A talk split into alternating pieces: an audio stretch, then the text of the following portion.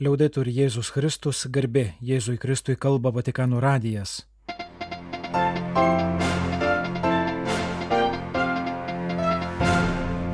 Malonus klausytojai šioje programoje. Bendroji trečiadienio audiencija - popiežius Pranciškus ir koptų patriarchas Tavadrosas II. Popiežiaus audiencija mokslininkams ir laiškas argentiniečių rabinui Abrahamui Skorkai. Pranciškaus susitikimo ir pokalbio su jezuitais Vengrijoje apžvalga.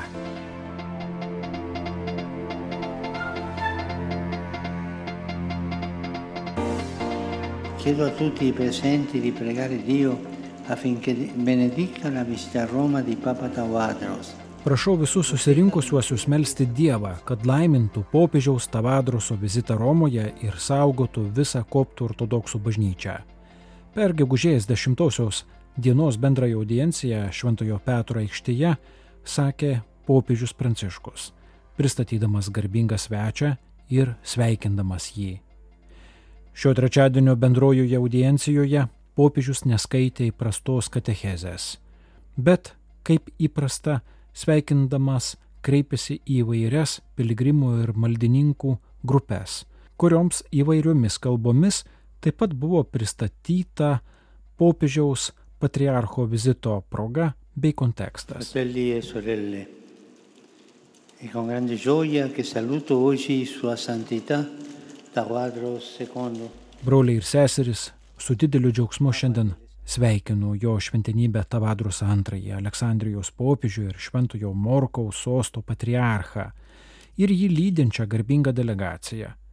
Jo šventenybė Tavadrusas priėmė mano kvietimą atvykti į Romą ir su manimi švęsti istorinę 50 metų popiežiaus Šventojo Pauliaus VI ir popiežiaus Šenūdos trečiojo susitikimo 1973 sukakti. Sakė popiežius Pranciškus, priminęs, kad tai buvo pirmasis Romos vyskupo ir koptų ortodoksų bažnyčios patriarcho susitikimas istorijoje, kurio metu taip pat gegužės 10-ąją pasirašyta įsimintina bendra kristologinė deklaracija. Minint šį įvykį pridūrė Pranciškus, lygiai prieš dešimt metų Tavadrusas, kaip ir jis, išrinktas tik prieš keletą mėnesių, atvyko pirmą kartą su juo susitikti ir pasiūlė kiekvienų metų gegužės 10-ąją minėti koptų ir katalikų draugystės dieną. Paskambiname vienas kitam telefonu, siunčiame sveikinimus, esame kaip geri broliai, nesiginčiame, sakė popiežius Pranciškus audiencijos dalyviams. Brangus draugė ir broli Tavadrusai, dėkoju, kad priemėte mano kvietimą šių dvigubų metinių proga ir melžiuosi, kad šventosios dvasios šviesa apšviestų jūsų apsilankymą Romoje, svarbius susitikimus, taip pat mūsų asmeninius pokalbius. Nuširdžiai dėkoju Jums už įsipareigojimą puoselėti augančią koptų ortodoksų bažnyčios ir katalikų bažnyčios draugystę, kalbėjo Pranciškus ir tęsė.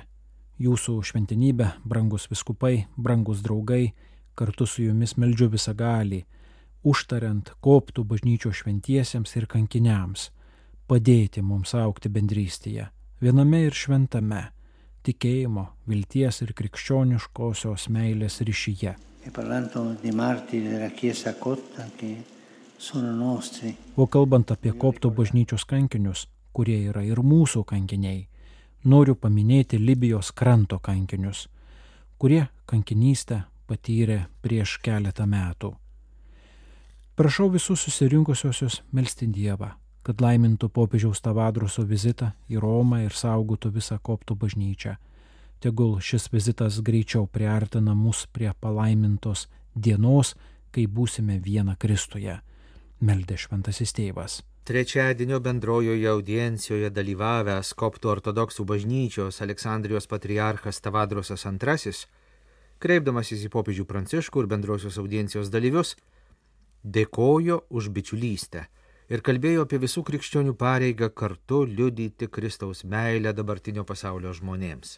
Allah al-Habib, sahib al-Qadasa, al-Baba Francis, ashab al-Nijafa, wal-Aba al-Muqarin.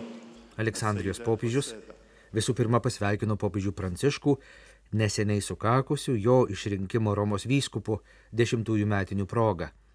Jis taip pat paminėjo jų pirmąjį susitikimą įvykusį prieš dešimt metų per Šventojo Petro aikštėje vykusias popiežiaus Pranciškaus tarnystės pradžios iškilmes. Šią dieną, gegužės 10-ąją, taip pat sukanka 50 metų nuo Aleksandrijos patriarcho popiežiaus Šanūdos trečiojo vizito pas Romos vyskupą popiežių Paulių VI, kuriuo užsimesgė bičiuliški abiejų bažnyčių santykiai. Popiežius Tavadrosas taip pat paminėjo popiežiaus Pranciškaus vizitą Egipte 2017 metais. Svečias priminė, kad jo gimtojoje šalyje Egipte skelbė Kristų evangelistas Morkus, o jo katedra Aleksandrijoje yra vienas seniausių krikščionybės žydinių pasaulyje. Patriarchas paminėjo ir visiems krikščionims brangius didžiuosius Egipto šventuosius - Antaną atsiskyrėlį, Makarijų, Pahomijų. Žvelgdamas į Šventojo Petro aikštę, Aleksandrijos popiežius tęsė. Esu čia vietoje, kur pamokslavo apaštalai Petras ir Paulius, ir džiaugiuosi galėdamas susitikti su jumis šioje didingoje aikštėje. Žiūriu į aikštę supančias kolonas ir prisimenu Dievo pažadą Filadelfijos bažnyčiai nugalėtoje aš padarysiu šulu savo Dievo šventovėje. Prašau jūsų tvirtai laikytis šio pažado, nugalėti pasaulio blogį su visomis jo pagundomis, kaip mus mokė mūsų tėvai, ir gyventi pagal mums tenkančią atsakomybę, gyventi kaip švelnus Kristaus prisilietimas šiame pasaulyje ir liudyti jo taiką. Jei krikščionys sugebės visada sekti Kristaus pavyzdžių, pasaulis bus žmoniškesnis ir taikesnis. Melskime taikos, pranokstančios bet kokius mūsų skaičiavimus. Melskime, kad ji taptų tautų ir jų vadovų prioritetu, kad ji kuo greičiau ateitų ir visur įsiviešpatautų, kalbėjo Egipto koptų ortodoksų bažnyčios vadovas. Bendrosios audiencijos pabaigoje popiežius pakvietė kartu sukalbėti tėvę mūsų maldą, o tada jis ir koptų patriarchas vienas po kito bendrosios audiencijos dalyviams suteikė palaiminimą. ونعمة الابن الوحيد وشركة وموهبة وعطية الروح القدس تكون مع جميعكم آمين Gegužės 10 ryte popiežius Pranciškus audiencijoje priemė mokslininkų grupę. Popiežiškosios mokslo akademijos surenkto seminaro Maistas ir humanitarinės krizės, mokslas ir prevencijos bei padarinių švelninimo politika dalyvius. Pasak popiežiaus, temos reikšmingumas yra akivaizdus, nes kalbama apie daugybės brolių ir seserų neturinčių pakankamai gero maisto kančių palengvinimą, o ne akademinį debatą. Seminaro rengėjai pažymi, kad maisto gamybos ir tiekimo grandinių sutrikdymo, lemto karų ir konfliktų, gamtinių veiksnių, lygų ir ekonominių sviravimų bei korupcijos kombinacija pasiekmes liečia virš 3 milijardų asmenų Pasak popiežiaus ir karo Ukrainoje atveju matome, kaip karas trikdo maisto gamybą, blokuoja žemės ūkį ir iš tiesų populacijų galimybės apsirūpinti maistu. Lygiai grečiai jaučiamos ir ilgalaikės pandemijos pasiekmes visame pasaulyje. Stebime ir broliško solidarumo nuosmukį, kuris priklauso ir nuo kai kurių dabartinių ekonominių modelių dėgiamų egoistinių nuostatų. Jei norime išspręsti dabartinės problemas, Svarbu suprasti, kokiu būdu viskas yra tarpusavėje susiję, pripažinti praeities klaidas ir iš jų mokytis, kad krizę paverstume galimybę. Todėl tikiuosi, kad jūsų seminaras padės visiems geriau įveikti dabartinės krizės, ne tik sutelkdamas dėmesį į techninius sprendimus, bet visų pirma primindamas, kaip svarbu išsiugdyti visuotinio solidarumo nuostatą, grindžiamą brolybę, meilę ir tarpusavio supratimą.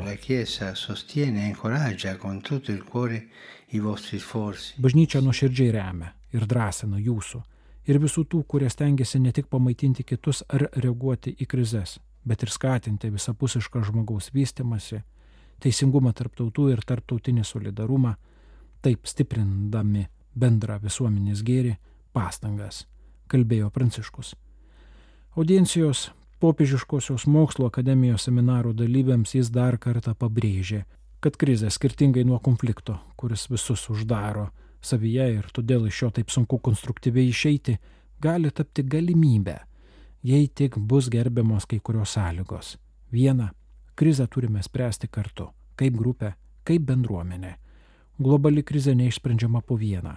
Antra, reikia iš krizės tenktis išeiti geresniems, o ne blogesniems. Tikėjimo žmonės gali ir turi ginti žmogaus teisės visose gyvenimo situacijose, pažymėjo popiežius Pranciškus laiške sveikindamas ilgametį draugą ir vieną iš garsiausių Argentinos žydų bendruomenės lyderių, rabiną Abrahamą Skorką. Popiežiaus sveikinimo laiškas buvo perskaitytas trečiadienį, gegužės 10 dieną Tarnavoje, Slovakijoje, garbės doktorato suteikimo rabinui Abrahamui Skorkai iškilmingo akademinio akto metu.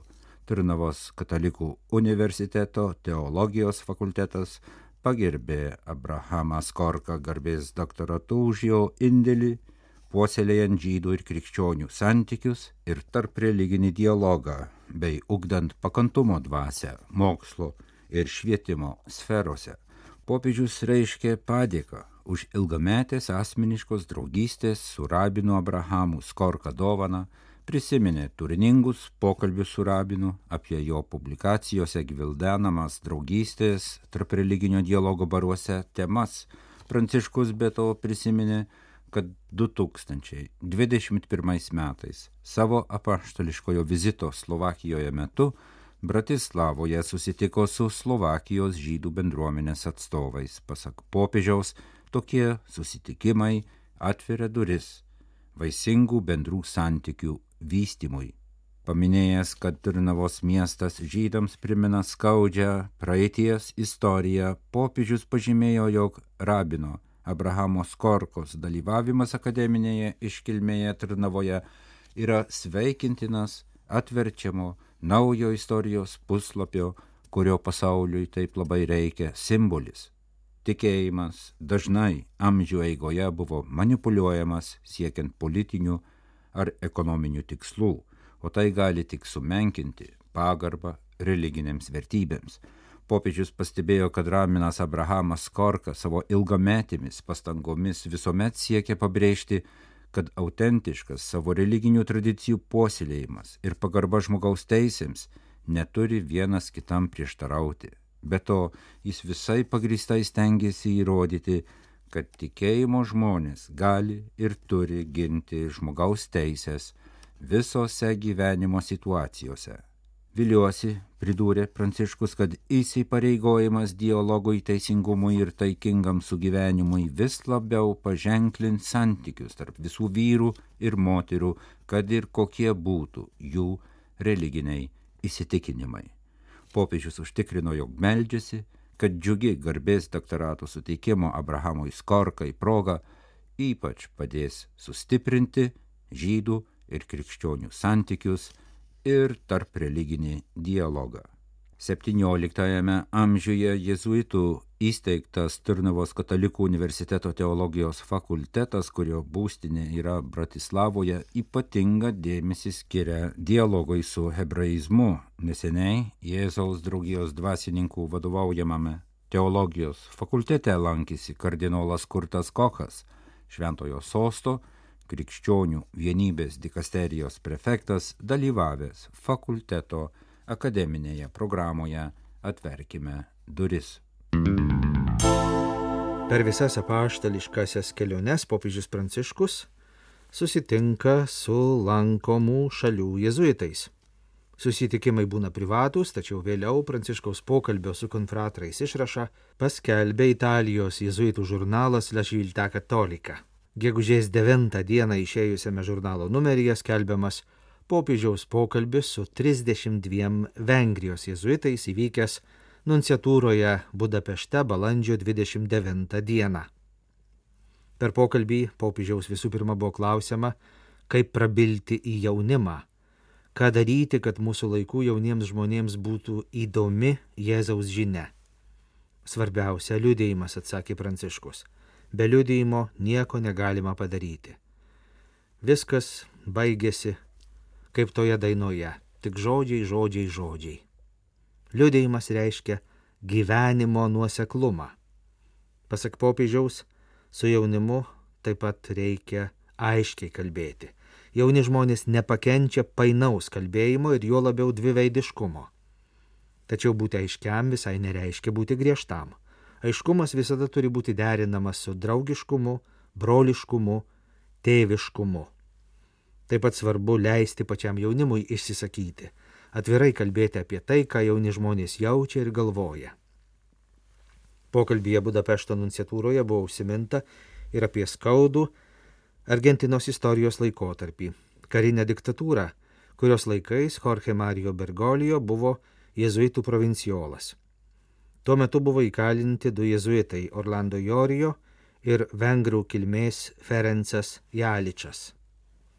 Provinciolas buvo kaltinamas, kad nepakankamai ryštingai jos gynė, o vėliau jau po diktatūros valdymo pabaigos netgi sulaukė kaltimo, kad jis prisidėjo prie dviejų kunigų suėmimo. Tėvai Ferencas Jaličas ir Orlando Jorijo dirbo darbininkų rajone ir dirbo gerai, pasakojo popiežius. Rajone, kuriame jie dirbo, veikė ginkluoto pasipriešinimo būrys, tačiau abu jezuitai su juo neturėjo nieko bendra. Jie buvo ganytojai, o ne politikai. Vis dėlto jie buvo suimti. Policija nerado nieko, kuo galėtų juos apkaltinti, tačiau jiems teko kalėti devynis mėnesius, kentėti grasinimus ir kankinimus. Paskui jie buvo paleisti, tačiau dėja, tokie dalykai palieka gilias žaizdas, pasakojo Pranciškus. Vėliau kai kurie valdžios žmonės bandė kaltinti provinciolą, kėlė ne tiek pagrobtųjų kunigų atvejį, kiek kvestionavo visą provinciolo laikyseną diktatūros laikotarpiu. Tačiau noriu pridurti, kad kai Jaličą ir Jorijo suėmė kariuomenė, padėtis Argentinoje buvo paini ir visiškai nebuvo aišku, ką reikėtų daryti. Dariau tai, ką jaučiau, kad privalau daryti, kad juos apginčiau. Tai buvo labai skausmingas atvejis, pasakojo popiežius. Per popiežiaus susitikimą su Vengrijos jėzuitais kalbėta ir apie Vatikano antrojo susirinkimo nuostatų ir dvasios dėgymą bažnyčioje, apie nelengvą senų tradicijų ir naujumo santykį. Nežinau, kaip į tai atsakyti teoriškai, sakė Pranciškus, bet tikrai žinau, kad susirinkimo įgyvendinimas tebe vyksta. Sakoma, kad susirinkimui įsisavinti reikia šimtmečio. Aš žinau, kad pasipriešinimas yra labai smarkus. Egzistuoja neįtikėtina restauracijos tendencija. Popiežius priminė, kad šią tendenciją jis jau nekartą yra pavadinęs atbulumu. Tačiau juk istorijos ir malonės tekmė eina iš apačios į viršų. Jei ši tekmė sustoja, gyvas kūnas tampa mumija. Ėjimas atgal niekada neišsaugo gyvybės. Pasak Pranciškaus, tokia nostalgiška reakcija į viską, kas šio laikiškai yra lyguista. Kaip tik dėl to jis nusprendė, kad visi naujai išvendinti kunigai, norėdami aukoti mišes pagal 1962 m. Romos mišiolą, turi tam gauti leidimą.